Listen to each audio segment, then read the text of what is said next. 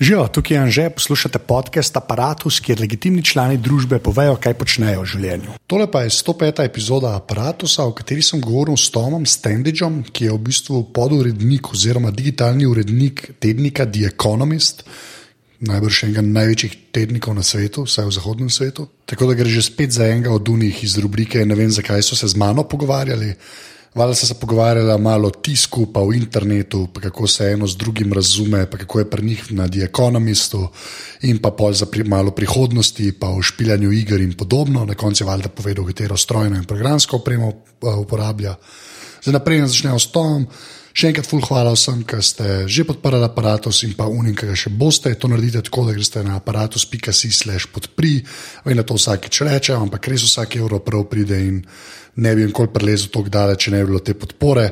Tako da res še enkrat, ful, ful, hvala. Uh, drugač pa, ne vem, dajte kakšno oceno v iTunesih aparatusov, pogledajte še ostale podcaste na mreži, to naredite tako, da greste na aparatus.com. Uh, to več ali manj to.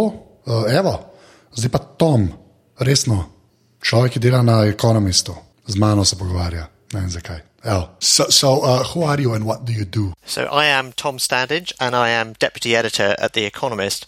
And uh, what I do, I suppose, is I think about where The Economist needs to go in the digital future. So I, I that involves a lot of things. It involves digital strategy. It involves um, you know talking to people. It involves developing new products. It involves trying to change the culture inside the company. Uh, so it's a lot of different things. But essentially, I have the responsibility for sort of making sure that we go in the right direction with our digital output. Okay, so and just to be clear, you've been there for quite a while, right? I've been here a long time. Yes, I've been at The Economist for 17 years, and I started as science correspondent in 1998, and I've done various things since then. I've covered tech for the business pages. I've been the business editor. I've run the back half of the uh, of the paper, as we call it. So that's the business, the finance, and the science sections.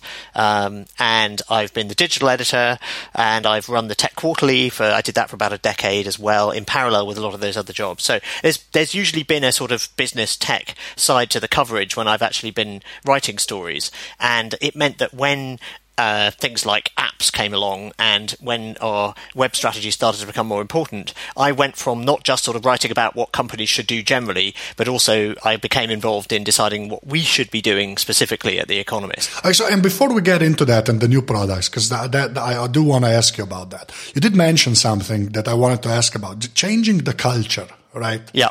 Because th- that's one of the reasons I wanted to talk to you, because you've been at a 8A newspaper, right, before all of this happened. And by this, I mean the internet. Yeah, yeah, yeah. yeah.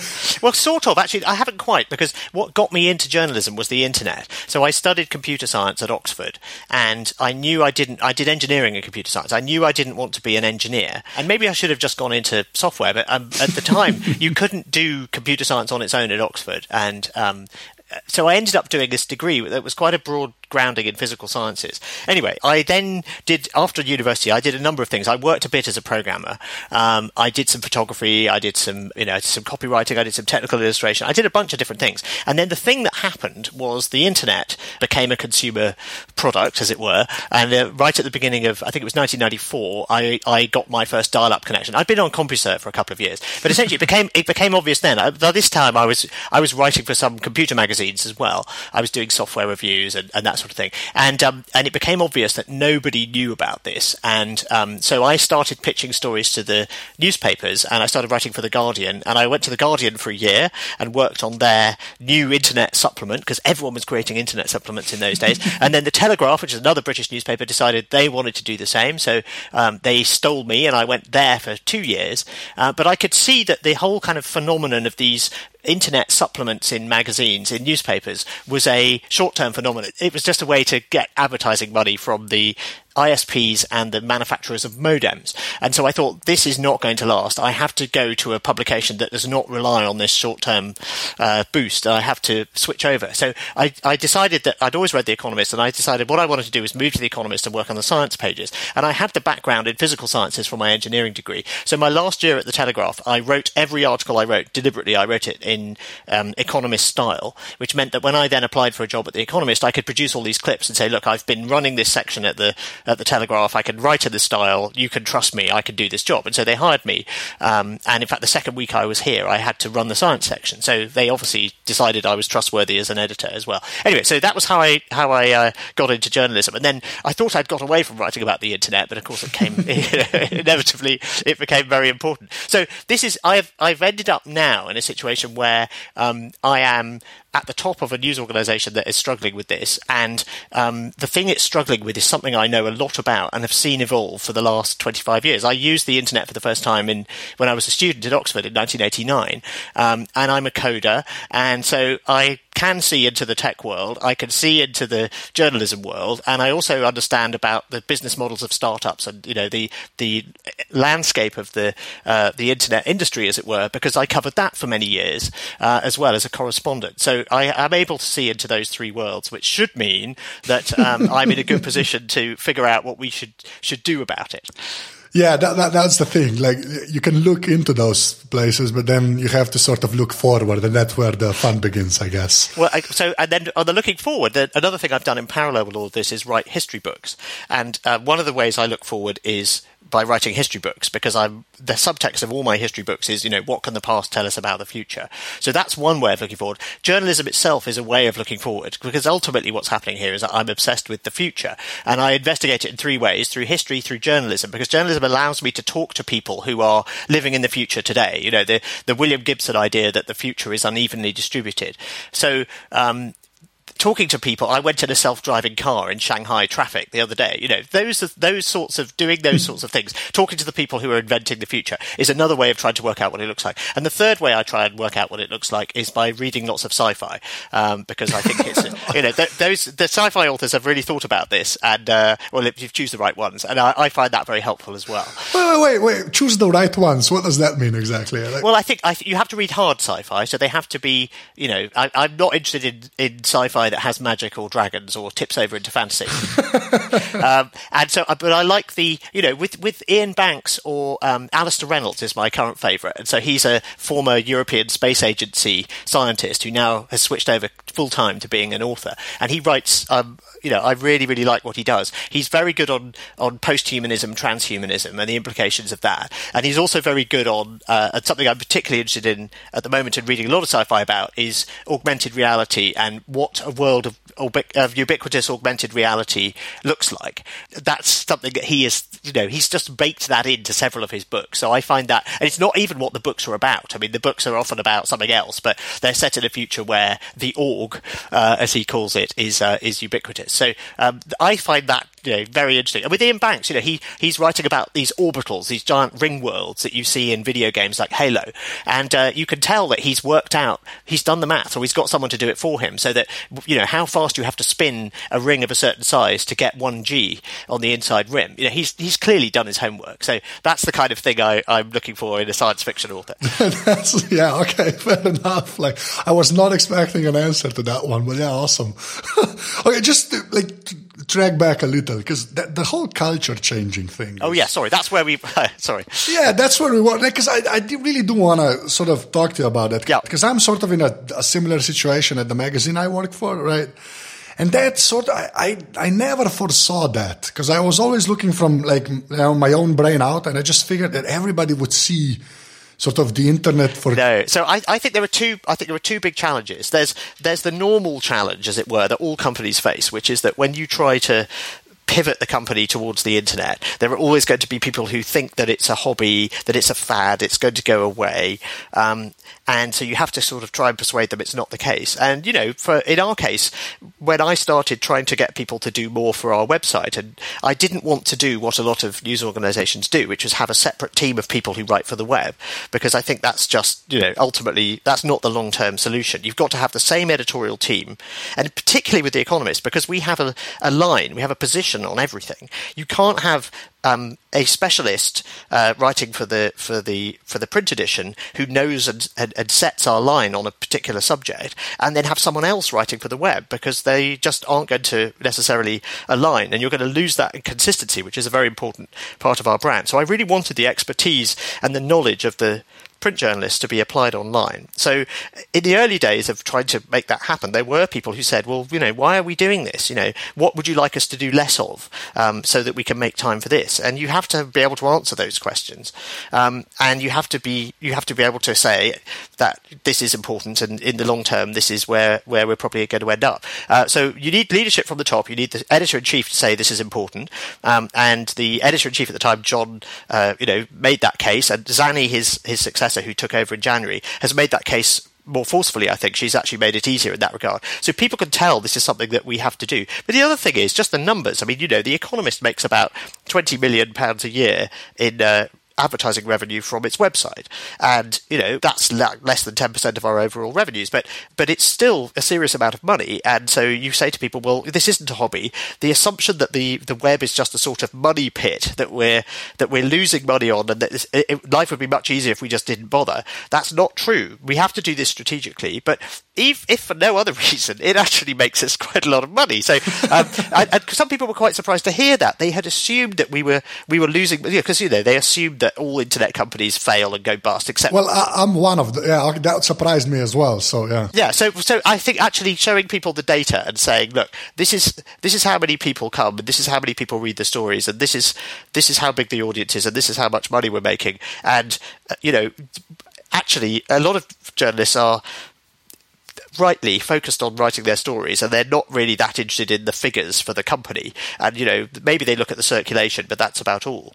Um, but the, the internet allows us to see all these numbers. And so I think some people at least can be persuaded using them. That's one thing. The other thing is we've had a demographic shift um, in the last few years where we've had more uh, people come in into senior roles in the in the Economist, which is quite a small, flat organisation anyway, um, who are you know who've grown up with using the internet a bit more, and they are happy to go on Twitter, and they don't think it's all um, you know a distraction from their real jobs. In fact, we see this in history. You know, when the telephone appeared, people said, "How will anyone get any work done?" Because you know they'll just be talking on the telephone all day. And we now recognise that talking on the telephone is like a legitimate part of your job. And answering email, well, that that takes up you know hours of your day. But actually, a big part of my job is answering email because that's how you make decisions and tell people what to do.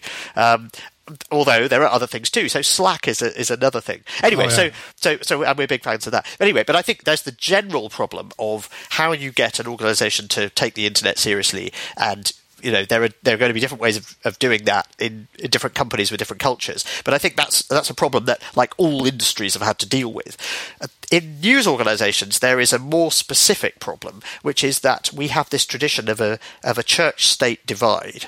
So we have the editorial staff separated from the commercial staff, and this is you know this is a good thing, uh, and you don't want the editorial staff to be kind of worrying about you know how much uh, an article that they write annoys an advertiser or something. You want to keep them apart apart.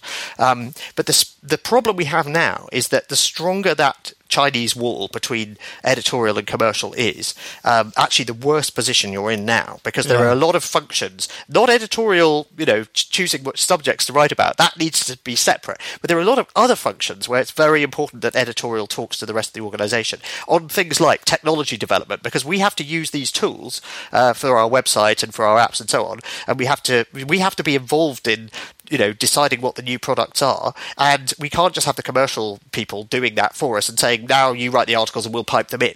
So we have to be involved in that. We have to be involved in social media. Uh, it's not just a marketing function. It has to be something that editorials involved in.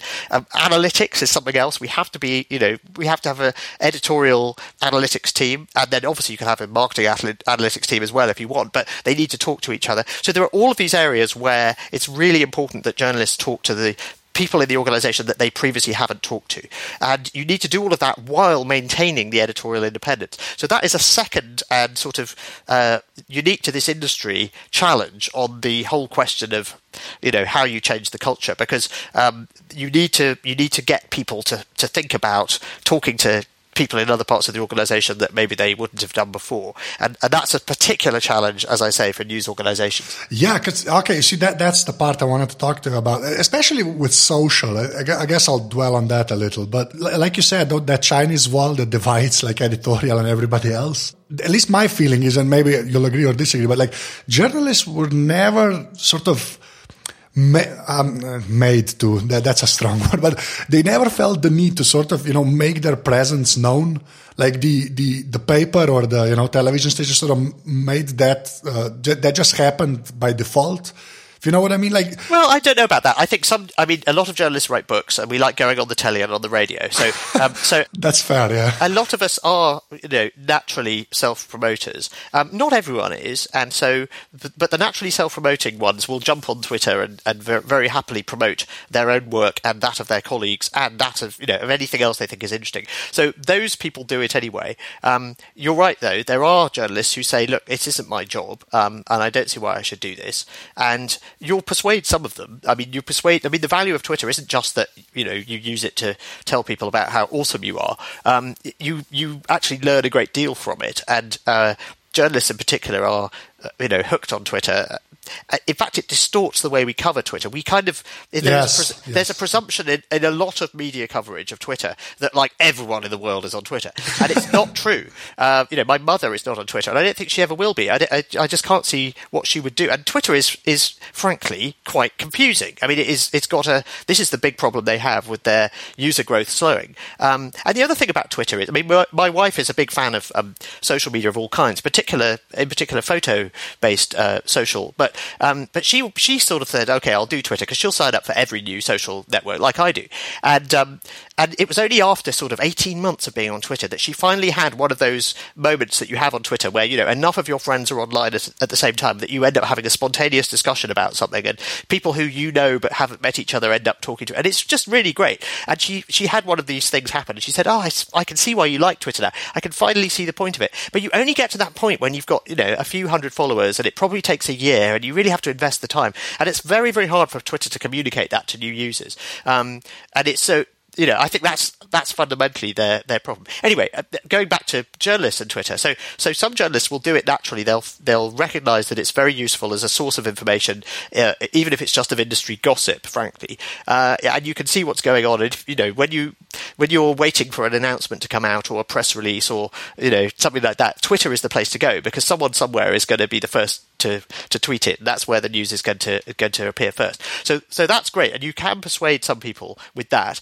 Uh, there was a there was definitely a shift in the industry after the Arab Spring, where so much of the news was breaking on social that people in newsrooms, um, and I had I've had many people tell me this in different news organisations uh, who were sceptical about this, suddenly realised that you know they needed to be uh, they needed to be on on social media and needed to be on Twitter and finding out what was going on, uh, and also they would start to notice that you know their colleagues who had jumped on Twitter and were really pushing hard on it, um, had gathered you know tens of thousands of followers, and they were saying, well, you know, why are they? Do- I should be able to do that. So there was there was a little bit of a catch up then. Um, so I think you can persuade some people in the middle, but I think there will always be some people who just say, you know what, I'm not going to do this. Um, I'll let other people do it. And I think you just have to accept that some people aren't, and that's fine. And you need to, um, ideally, what you want to do as a news organisation or as any company is you want to take advantage of the the people on the staff who are naturally good at this, and they they do emerge, and you can you can see who they are and then you say, right, this person really knows what they're doing. And we have a few stars like that on the staff um, who are just naturally brilliant at, uh, at writing, you know, writing tweets and, and, using social media. And so that you then say, right, we're going to have them uh, run the social media for for for the Economist, and uh, and that's the way we do it. And just uh, one more thing on that: how do you reconcile that? Because it is more work. Let's just let, that's a given, right? If you you know if you're a journalist that didn't deal with the internet before, yes, it is. Well, it is. Well, it's it is and it isn't. I mean, it is a way of finding out what's going on. So it does fit in with the kind of you're looking for stories. Um, you know side of the job and it fits in with reporting. And i very often find if i you know i i know enough people on twitter that if i if i want to i can send a dm to someone inside a company and say have you heard about this or what's going on here or can you comment on this? Um, i did an interview i did a couple of interviews the other day. We launched uh, i was i was on the other side of the fence as it were. Um, we launched our new venture economist films and a couple of publications did stories about it. And one of them was bloomberg. And the bloomberg journalist um, i was playing the drums at the time um, so I was in a rehearsal studio playing the drums, and he wanted an interview. So I ended up just giving him what he wanted over DM. We just did the we did a very quick interview over Twitter DM, and it was great actually. And I think I'd like to do interviews like that in the future because you, have got a you've got a transcript, and he basically wanted quotes or sound bites, and Twitter kind of forces you to write them. Um, so so I thought that that worked really well. But anyway, so um, in that case, he was using Twitter to get you know to get quotes for his story, and I've done that the other way around as well. Uh, because you know, very often you'll be you'll end up being followed by and following people who are quite difficult to get access to. Um, but you you do end up talking to them on Twitter. So you know, I've I I talk to people. I talk to Marc Andreessen sometimes on Twitter. I've only met him a couple of times in real life, but um, but funnily enough, we end up talking on Twitter about bourbon.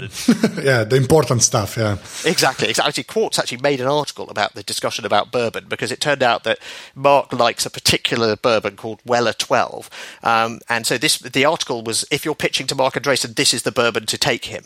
Which meant that, that that bourbon immediately sold out around the world, so you now can't get it. But uh, but anyway, why am I saying this? I, because basically, I think um, it, it is yeah, it is more work. Um, in some ways, but it does also substitute for other kinds of journalistic work. So the other thing we did, for example, with some of our um, editors who used to have to maintain um, topic pages, subject pages. On, so we, on our website, you know, we have a homepage, and then we have like a business homepage, and then we have an Asia homepage, and that kind of thing. And you look at the numbers, and it's pretty obvious that um, the number of people going to the homepage is, is declining as a proportion of the overall traffic. Most people are coming in through the side door of social or search. Mm-hmm. Um, but we've got to have a homepage, so we still do that. But but the the other um, homepages we had for these other subject areas, uh, we had people, you know, curating them, but it probably wasn't worth it. I mean, the amount of traffic those pages was, were, were getting, um, frankly, you could have a reverse chron feed of, of our stories on Asia, and that would be as you know, that would be ninety nine percent as good for ninety nine percent of visitors. So, uh, so one of the things we did last year was we got rid of those pages, we replaced them with automatic feeds, and then we said to the people who were maintaining them, who were the you know the, the people in the Asia section in this example who were responsible for that, we'd say right instead of doing that, instead of spending you know five hours a week doing that, we would rather you spent that time on social promotion. So I think if you're going to put things on people's plates, then you have to recognise that you know they haven't got an infinite amount of time, and so you're much more likely to get them to do something like social if you take something else off their plate at the same time. The, the thing I wanted to ask about sticking with culture for just one more question, I guess. Yeah, yeah. You said it was a pretty much a flat structure at The Economist. Yeah, I, I mean, it's a small organisation, so there's only uh, there's only sort of 90 journalists working on the the magazine, and then there's a layer of section editors, and then there are sort of five um, senior editors at the top. So stories go up through you know, to the section editor and then the department head, um, and then they get read by the editor in chief or the deputy editor. And that, you know, the, the Wall Street Journal used to have five or six layers of editors, I think. I mean, so as, as organizations go, it's quite small, and most people are sort of two hops away from the top person. Do you see what I mean? Yeah. So the other thing about it is that we don't have a lot of things that newspapers, a lot of newspapers have. We don't have any sub editors and we don't have any leader writers. So that makes things simpler as well. And then the other weird thing about it is we don't really have a very strong divide between writers and editors. So nearly all of the writers edit and nearly all of the editors write.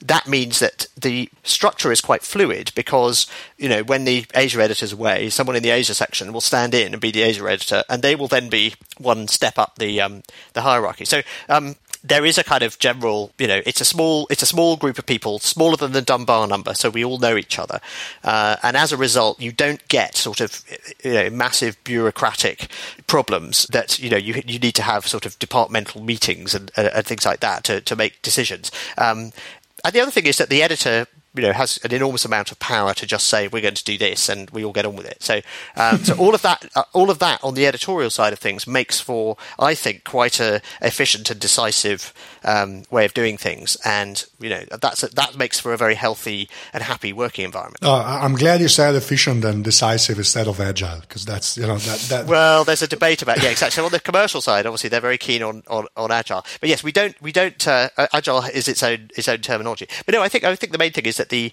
um, you know Zanny is a, is very very decisive and says what she wants, and we all get on with it. Um, and also, you know, there isn't a there aren't layers and layers of bureaucracy to getting things done, uh, and that's it's a quite a small academic kind of atmosphere. We don't have an open plan newsroom. We have small offices, and um, it's it feels quite academic. We're running out of space in our office though, so we may need to switch to open plan. But oh, don't do that. Just do not. Don't. Well, we may not have any choice, but some bits of the office are, are open plan already. So Ah, um, yeah, but but I know what you mean. We kind of mess with the culture at our peril because it does it does work very well. Yeah, that that's always a tricky thing when that like the the office changes, man. That's always weird. Yeah, exactly. Always.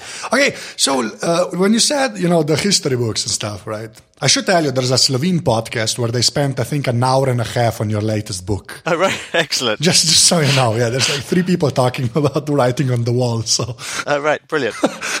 well, uh, okay, but uh, you know, you said you look backwards to sort of look forward, right? And like, I, I like correct me if I'm wrong, but the whole conceit of the book is that basically social media is not a new thing. Yeah. The, the idea is that social media is, uh, you know, can be traced back to the Roman period, and um, so if you define social as, you know, media you get from other people, um, and for most of history, that's how you got information. Uh, you got it from your friends, and you all wrote letters to each other, or you sent each other poems, or you exchanged commonplace books, or you passed pamphlets around, or whatever. And of course, that was how it had to work because there was no mass media, there was no broadcast. Um, so what we had in the 19th century and then in the 20th century, but starting in the middle of the 19th century, was the invention of machines that made it possible to deliver information very efficiently to large audiences um, in a, you know in one direction, uh, and that was what kind of gave birth to the mass media. And we got a whole load of business models around that of radio and TV stations and of mass circulation newspapers because newspapers were very small. I mean, the biggest newspaper in the world at the beginning of the 19th century was the Times of London. It had a circulation of 8,000. So, uh, you know, newspapers were mostly local social platforms up to that point, and then the steam press uh, meant that you could have a circulation of a million.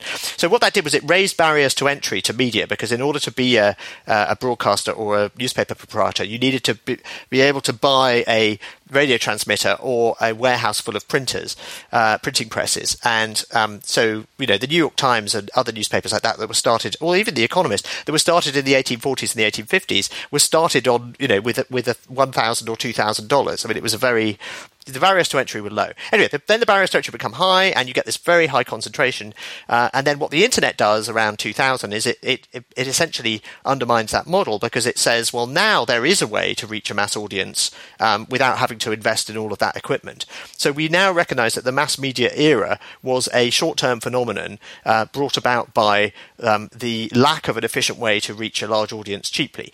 Um, so we're now kind of, that's why all the mass media business models are unraveling uh, because they were based on this short term phenomenon and the short term monopolies that came with it. Um, and it also means that the way that we get information now is much more likely to be mediated by our friends and our social circles, which is the way things worked before mass media. So that's why I'm kind of saying, well, if we go and look at how media worked before the um, the steam press and before the radio transmitter, um, then it will it will tell us a lot more about the dynamics of social media environments than you might think. So, but does that happen again? And I, I know, like in the long term, I guess it's going to happen again. Because I think your divide was old media, right, mass media, and then new media, or something like no, that. No, no, right? no. So Oh, the old, the traditional divide is old media and new media. So All old media was um, was radio and, and newspapers and TV, and then new media was the internet, right? And that's what the way we've been used to thinking about things. But what I'm saying is that old media isn't that old. The old media models only start in the 1830s. And if you look at the media before that, which is what I call really old media, Oh, really old. Sorry, yeah, really old. okay.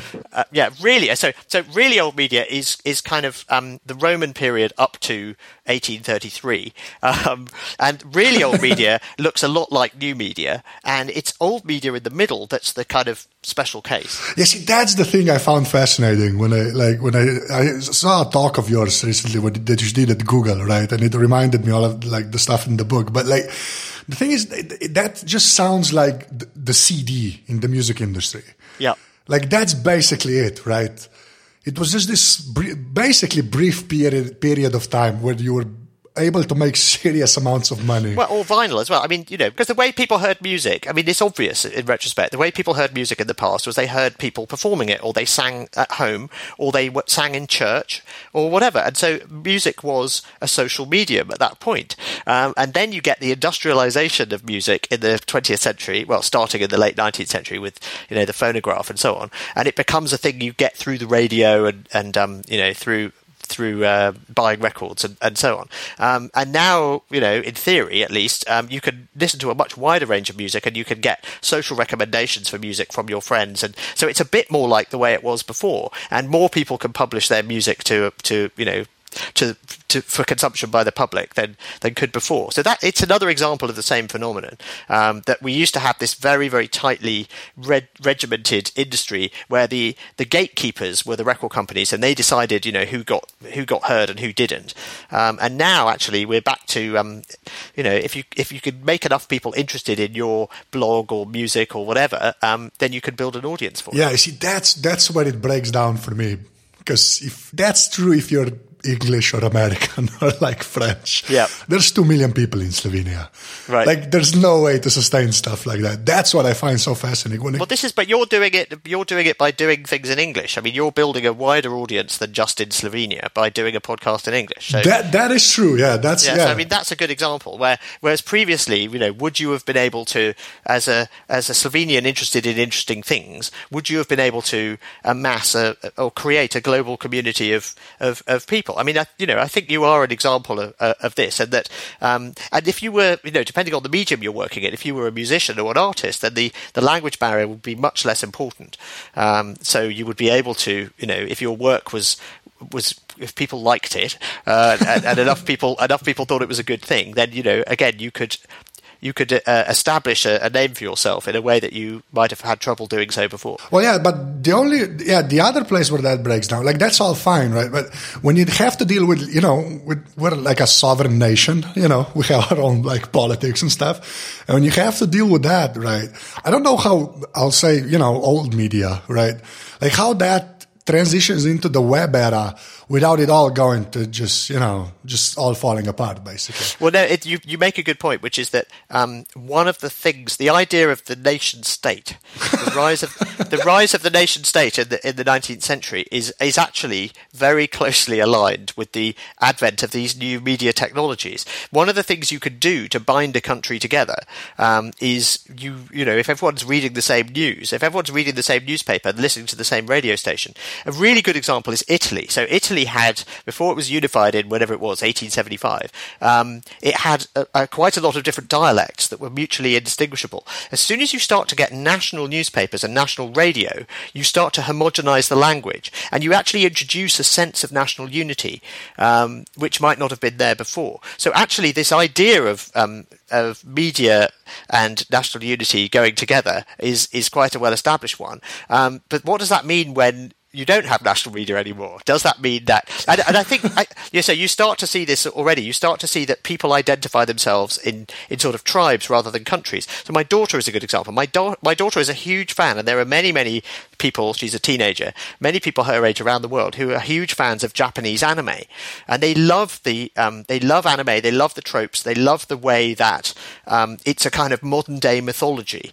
Um, and there are all of these stories, and there are new ones coming out all the time, and they can go and watch the old ones. And um, she has a lot more in common with, you know, anime fans in different countries around the world than she does with, you know, people in her street who aren't into anime.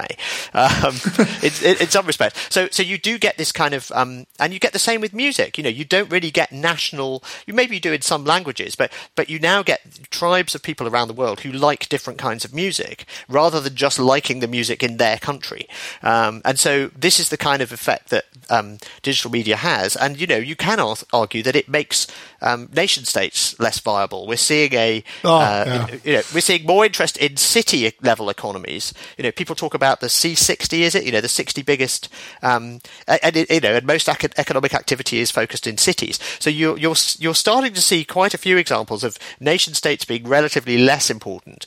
You know, I don't know whether that means they go away altogether and become irrelevant, but but uh, but certainly you could make the case that they're less significant than they used to be. And there are many reasons for that, but um, but, but you know, digital technology is certainly one of them. Oh yeah, well that that's sort of you know when you talk to a guy from a country with two million people, that sounds daunting. Like that's scary as hell. But you know, I guess. Right. but yeah, it does make sense. But you see that that's why I sort of like talking to you guys because you you do get you know when you said uh, what's the circulation of the Economist? One point six million.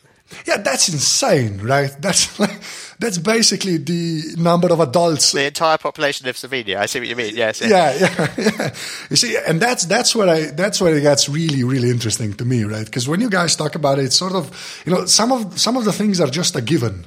You know, some of those things when you say, uh, and we should talk about the, you know, the new sort of digital products you've launched at The Economist, especially Espresso, which I find awesome, right? Right. Oh, thank you. Yeah, but like stuff like that, sort of just it's it's viable out of the box for you guys. Do you see what I mean? Well, yes, it, yeah, we're we're very lucky. So Espresso was interesting because the thinking behind it was tech firms think about products in a particular way. They think that the value is in the technology. And in order to, and then media companies tend to think that the value is in the content and that the technology that you use to deliver it is just a detail. Um, and actually, in order to make a successful news product in the future, we need to think about the content and the technology and the business model all together. And we don't need to just take our existing articles and funnel them into an app and expect people to read them every day. So with Espresso, I looked at it and said, well, if we're going to make a daily briefing product, um, which is what I wanted to do. So, in other words, something that does the same job for readers each day that the Economist Weekly does each week. So, the job that the weekly does is you curl up with it on Friday or Saturday and you read it for about an hour and a half, and then it tells you what's going on in the world. And then when you've done that, you go, Great, I've finished it. So, it's giving you a finite bundle of content that you can actually finish in a world of infinite streams. Uh, and that's really the value of what we do. It's that filtering. We're a trusted filter for our readers. Um, so I thought, well, we're doing that on a weekly basis, and that's clearly something that people want. And in fact, the noisier the media environment gets, the more people seem to want it. But um, shouldn't we have a daily version of that as well? And so uh, then I started to think, well, what would that look like? And I thought, well, it wouldn't have the kind of classic Economist 700 word articles in it. Um, if we're going to build this for quick consumption uh, on a smartphone in the morning, a shot of information like an espresso shot, which is where the name comes from, um, then we should um, actually make a new kind of article format. So we came up with these 150 word pieces we call chunks. Um, so there's a kind of new editorial model there. Then there's the business model for how we do it, which is we make it free to existing subscribers, but we allow new subscribers to subscribe to it. And obviously it costs less than a subscription to The Economist weekly. So we hope it's a sort of stepping stone product for new readers. Um, and then there's the technology, which is, you know, we'll do this as an app. We'll also do it as a, um, as a an email, but mainly it's you know presented as an app. Um, and so I went and built the first prototype, and I presented the whole thing um, to the board and said, "This is what I think we should do. This is the editorial model. This is the business model. This is how the technology would work." Uh, and they said, "Yes, do it," and uh, uh, produce the money. So we then did it as an internal startup. And the great thing about that is that um, we had the freedom of action of a startup, um, but we also had the resources of the existing Economist uh, group to draw on. So obviously we we had the journalists, because the same journalists writing Espresso who were writing the weekly. We had the marketing of The Economist. We had the brand. We had the audience. And we could then roll it out to the audience and say, here it is. And, you know, straight away have a weekly reach of 200,000 people. Um, so there are it, what we were trying to do was was uh, borrow the right bits from the startup world and the startup culture and look at what the interesting new news apps were doing and say, well, what's the economist response to that? Uh, so in that respect, we are looking at what the tech industry is doing and what startups are doing, and at the same time take advantage of the uh, of the benefits of being you know a storied news organization with a big circulation and a big brand and you know lots of other resources we can draw on. So that's the sort of genesis of Espresso. Okay, uh, just one point on that because uh, I listened to the periodic list that you did with Glenn, and yes. that sort of notion of finishing stuff. Finishability right? is absolutely key. Yes. Like I would have never thought of that. Well, this is this, this. So this is. I mean, I've been banging on about this for for a while, but I think it's I think it's quite important. It is the it is the USP of the Economist hidden in plain sight, uh, which is that you can get to the end of it. And the reason that you know the, the the job you can also look at this in terms of Clayton Christensen's jobs to be done framework. What is the job we do for readers? The job is ultimately um, we save them time, but uh, we figure out what's important and tell them. And if you haven't got time to read everything, which you don't, because no one can read everything, you never finish the internet. You never finish Twitter. You can't even finish the New York Times. So um, that feeling of finishing when you get to the end, that satisfaction that you've caught up and you're no longer feeling overwhelmed by new information, that's really what we're selling. The feeling of being smarter and on top of the news when you get to the end. Uh, there's a very nice quote from Larry Ellison of Oracle, who is an economist reader, which kind of summarizes this. And he says, I used to think now I just read The Economist. and, uh, you know, that, obviously that's exaggerating a bit, but the idea is that, you know, we have thought really hard about what the most important events are this week and what you should think of them and what they mean. And um, that means that, you know, we can deliver all of that to you on a plate. You can read it and finish it, and then that gives you permission to do something else. Okay, so and in that way, like, you, you sort you sort of everything I've read about like when you talk about the stuff or listen to you on podcasts and stuff and interviews, you sort of I get the sense that you actually you do realize that the Economist is sort of is you know when you said it's a storied newspaper and you know with a trusted filter and all of that stuff like uh, there's a sense you do sort of you, you take that into account and you so you know that you're lucky that you read The Economist, if you know what I mean. Yeah, well, no, I, I would say, I would go further than that and say an awful lot of, because I'm asked to explain our business model to people a lot, because you know we're still a profitable news organization and our circulation is is doing well and so on. Um, and they say well well what's the secret? And I, I, there isn't a secret. I can t- I'm very happy to be very open about all of this stuff because um, basically it's not really something that anyone else can emulate. And it's not because of a particularly clever model. An awful lot of this is luck. Uh, so we were very lucky that we are a publication in English, because uh, that turns out to be great. um, you know, that turns out to mean that you, get, you, can, you can address a very large um, audience. Yeah, c- can I amend that a little? You're, you're, a, you're, a, publication in English based in England, but the Americans read you, right? Well, no. So this is a this is the so we started off mostly re- readers in England, and we only really started pushing into the US in the 70s. Um, and we really started to do well in, um, in the 90s um, because globalization was happening and we provide a global view of the world um, and, and, of world news and of the week's news. And a lot of American publications tend to kind of report as if America is the only place in the world. Um, so there was, a, there was demand, not just in the US, but actually around the world from people who wanted glo- a global perspective. And as you know, globalization, the idea that companies need to think globally and, and, and you know, there are global markets in capital and, and ideas and labor and so on. Um, we very much benefited from that because that's always been our perspective. The view from the moon, you could call it. So that was one thing that helped. And then, and particularly during the 90s and the Bush years of the 2000s, um, there was a very strong demand in America for a, um, a perspective on America from outside. Oh, right. Yeah. Um, and so most of our readers are in, are in North America. So more than half of our 1.6 million, something like 900,000, are in the US and Canada. Um, so we are trusted to tell you what's going on, but we're not in the US. So we're a, we're a sort of trusted external view of things. Uh, so that has that has benefited us as, enormously as well.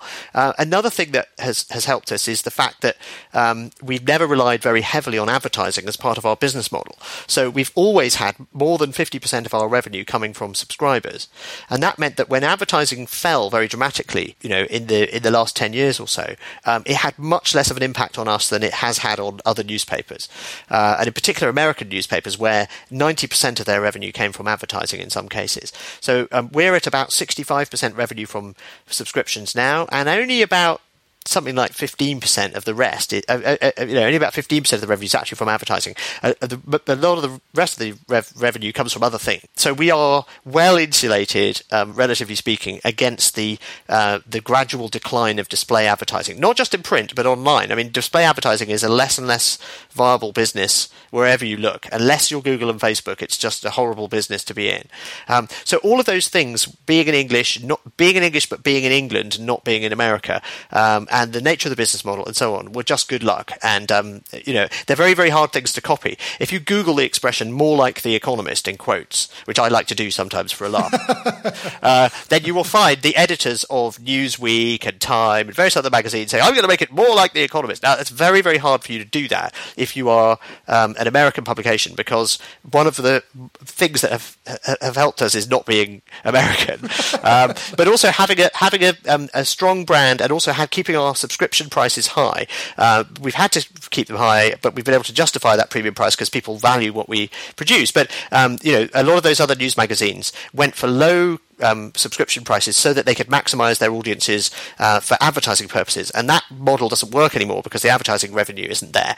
Um, and it's then very, very hard to raise your price from a $15 annual subscription to $130, uh, which is what, which is where we are. And we, you can see Newsweek trying to do it now. They're trying to raise their prices. So all of those things are um, you know factors in our success, and they're in many cases quite hard to emulate if you're other people, which is why I'm very happy to talk about what they are.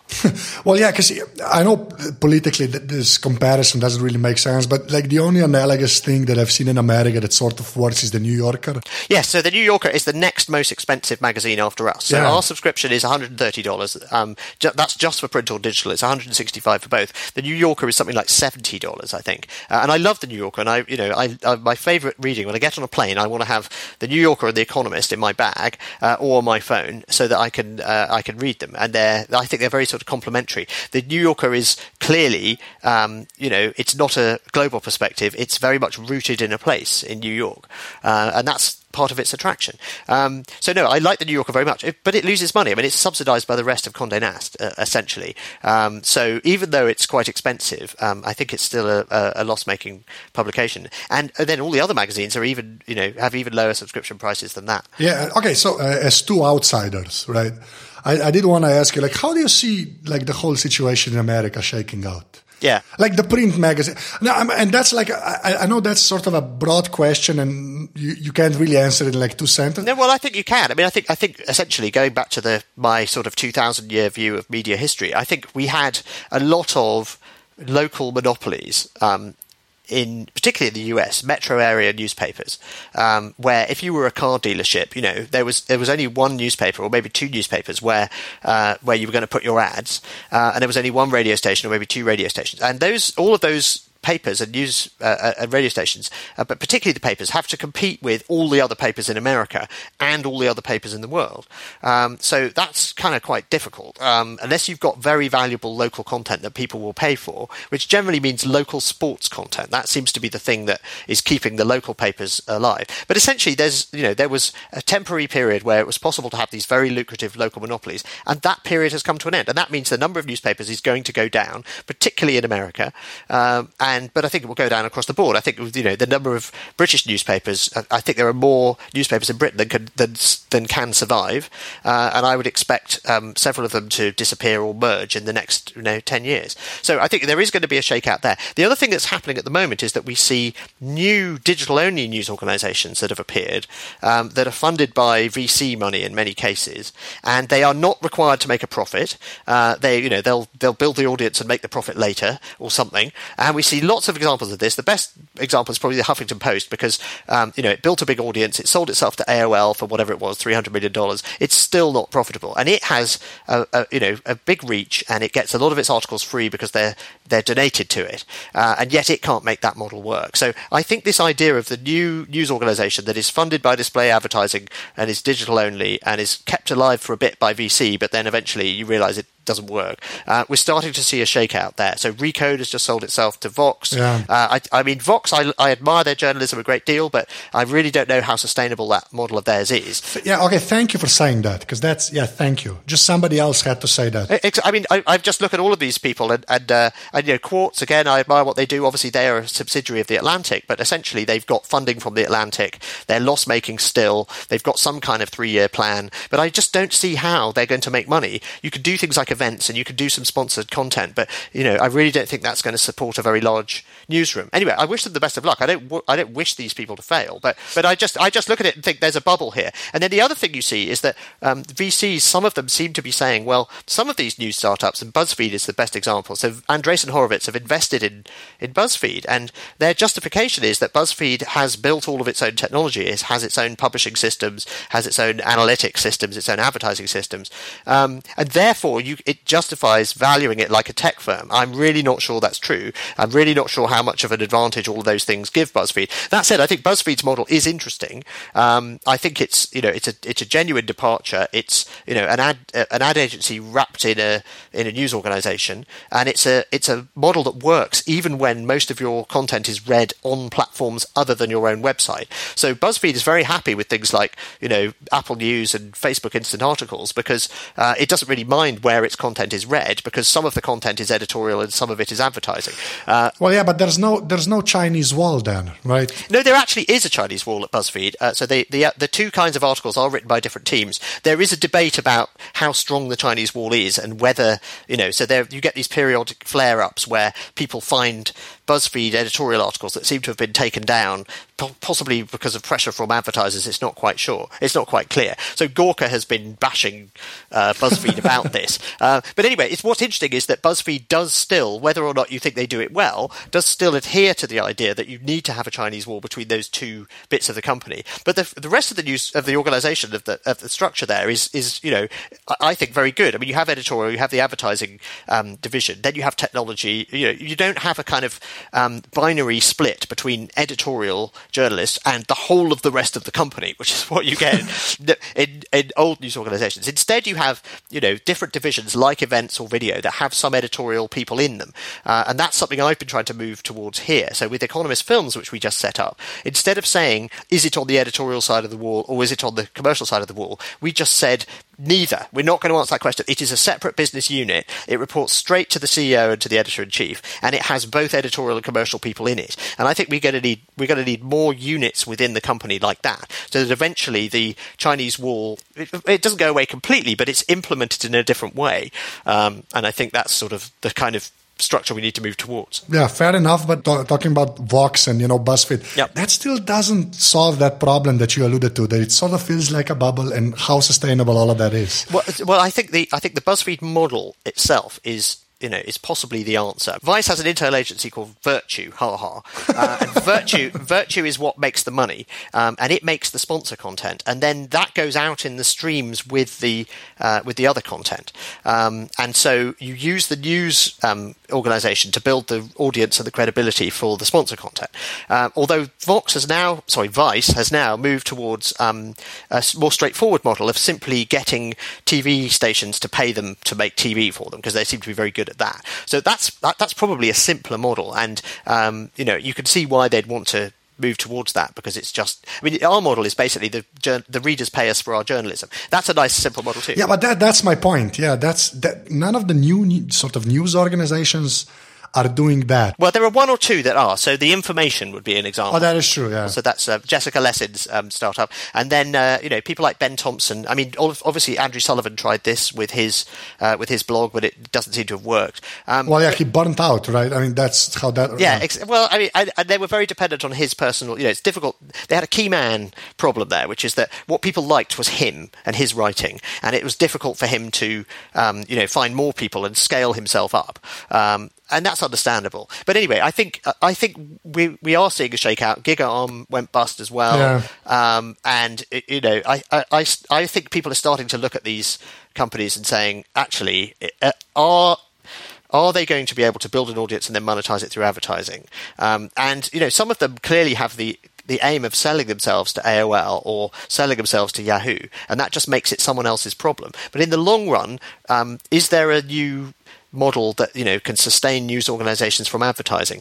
I'm not convinced that there is. So but we'll see. But i think i think the answer on both the print and the digital side is um, is that we are going to see a shakeout. Right.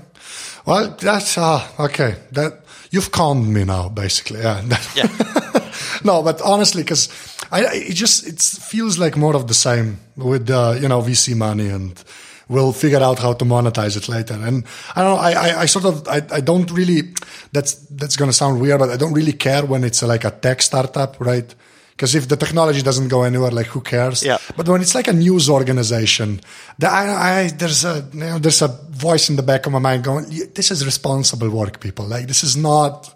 You know, the goal shouldn't be to sell yourself to Yahoo, right? no, no, that's true. But that, the good thing about this, and the good thing about the VC money sloshing around in this business, is that it is leading to you know lots of innovation, and people are trying lots of things, and um, and then we can look at them and say, oh, that's an interesting way of doing things. What would our take on that be? Um, so I, I, like it in that respect. Of course, it also bids up the price of journalists, so um, so that's uh, that's not quite so great. But I mean, you know, ultimately, it does when VCs throw money at a field, even if they you know don't end end up making money, and most of them won't, uh, it does encourage people to try new things and to innovate. And I think um, that does have a collective right. benefit. Okay, so now we'll uh, move to the last three questions, which are always the same. So we're gonna talk about your hardware and your software. Oh, okay. Which basically means what, what do you use to get work done, and you know your phone and your tablet and yeah, yeah, yeah. yeah. Okay, so I have an iPhone 6 Plus, uh, which I love, um, and then I have a quite old MacBook Air. Um, the MacBook Air 11, when it came out, it was what 2010 was it? I think it was 2010, wasn't it? Yeah. The, the, does it have the uh, backlit keyboard or no? That's no, it doesn't. Ah, it's okay. Really, yeah, it's really old. Right. So, th- and what's really funny about it is that um, I don't think I've ever owned a computer for as long as that computer because it's getting on for five years now, um, and it's it's still great. I mean, because it doesn't have a hard disk, it doesn't bog down, and you can just keep uh, you know open Word and Excel and and, and uh, Slack and Photoshop, and it just keeps on going. It's it's great, and Chrome with millions of tabs. So um, so I do like the look of the new 12 inch ones, and I'm I, will probably buy one of those in the next six months. But it's hate the keyboard. You will. No, I, well, I went and tried it. Actually, I didn't mind it. So, so honestly, yeah, I've. Re- I th- oh, we had a review on it. Uh, oh, just okay. Yeah, okay. Fine. Well, it's obviously it's obviously something that divides people very deeply.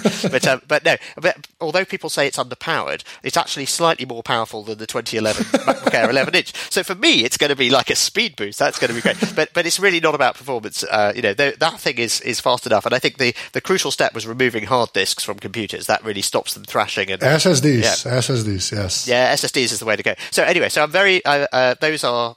That's quite an old computer, and I, uh, you know, I can't think of when I last had a, the same computer for five years, but and I could frankly go on using it for probably a couple more. But uh, as I say, I like the look of the new one. So that's the uh, that's the hardware piece of the puzzle. And then, the, of course, the very important question is what about the gaming side of things? on, on, on, that side, I, I, am an Xbox fan, um, uh-huh. and and what I like about the Xbox One actually is it's starting to.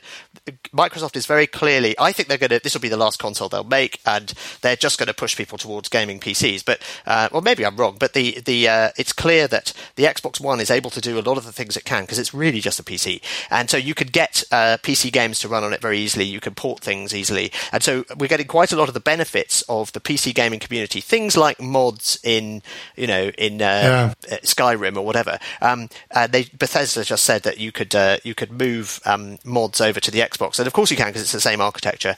Um, so it's actually quite a nice. Uh, it's quite a nice uh, console to have, I think, because it's kind of it, it, means I can avoid having a PC to, to game on, and it means that the the what you can do on a PC, which I sometimes look at and say, oh, I wish I had a PC and I could do those things, and then I think, no, I don't want a PC, I don't want to get involved in having a PC, uh, and I I, I feel, think that less and less because the Xbox One is becoming more PC-like or taking on the benefits of PC gaming. Yeah, it's it's basically a really good PC you hook up to your TV. Yeah. Yeah, it is. Yeah. It's just, I mean, it's, exactly. I'm an Xbox fan as well, so, you know. Yeah, okay, good, good. So I've been playing Elite this week, which is fantastic. I remember Elite from, from the first time around in 1983 and uh, 84, and uh, God, it's it's so nostalgic. I'm really, I'm loving it. Oh, yeah, that, I've been doing the same sort of trip down memory lane with uh, Knights of the Old Republic on the iPad. Uh, oh, oh, yeah. Oh, yes, I have to confess I've done that too, yeah. So, oh, just so great. Just. No, that was and that was the game. You, you, may be like me that I had not played RPGs before, and so many people said this is a game that will convert you to RPGs, and that will that even people who have not who don't who don't think they like RPGs like this game. Well, isn't it fantastic? Yes, good old KOTOR. I love that game. Yeah, I, I, was the same. Just stayed clear of RPGs, and then somehow found KOTOR way back when. And yeah. yeah, and then you know, then you can move on to Skyrim and all that stuff. Oh, and then The Witcher Three. Oh, I have a coworker you'd get along with because he just. Oh, oh right, yeah. okay.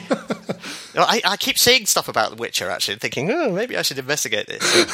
maybe that's next. But Elite is going to eat my life, I think, for the next couple of months. So. Oh yeah, it's it's a time suck, but it's a fun time suck. So yeah, it is indeed. Okay, and, and software wise, um, okay, since you're a six plus user, let's let's uh, I don't know top five apps on the phone. Well, I could of course ask the phone itself what the um, most used are, so that's quite easily done. Um, but maybe I'll come up with a slightly less rigorous and more interesting answer than that. um, well, clearly Twitter. Well, yeah. Um, uh, so, official client or what are you? Uh, yeah, I just use the official. client. Really? Okay, that's yes. Uh, yes. Um, I, I, know that's not very fashionable, but, um, but you know. I, I don't have a problem with it. Yeah, it's supposed to be tweet tweetbot, you know, Tom. It's Yeah. supposed to be tweetbot. Well, they've limited the number of people who can use those apps, haven't they? So, Oh yeah, yeah. yeah. So I, anyway, so I've I've always been very happy with just the the um, the native uh, client and the native website. Uh, I mean, obviously Gmail and um, uh, Instagram, and then what games am I playing? Uh, the Slack app is obviously Yeah. something I use quite often, um, and. Things I've recently started playing with, uh, Nuzzle is quite fun. Uh, been mucking around with um, Cardboard and all the various VR apps um, that you can use on the, you know, with the Cardboard headset. Uh, so that's quite good. Um, Two Dots is probably the game I've played the most, and and uh, Alto's Adventure. They're the games I've been playing most in the last month on my on my phone. Um, yeah, that probably that probably covers most of it. Oh, I could just double tap and see what the um, see what the most recent apps are. Espresso, there it is. Facebook, um, yeah, Nuzzle, Hangouts. I, I love how people never, like, when I ask these questions, right? Uh, they never say Facebook unless they look at their phone, right? I think it's just assumed, I guess. Yeah, yeah, yeah, but yeah, yes.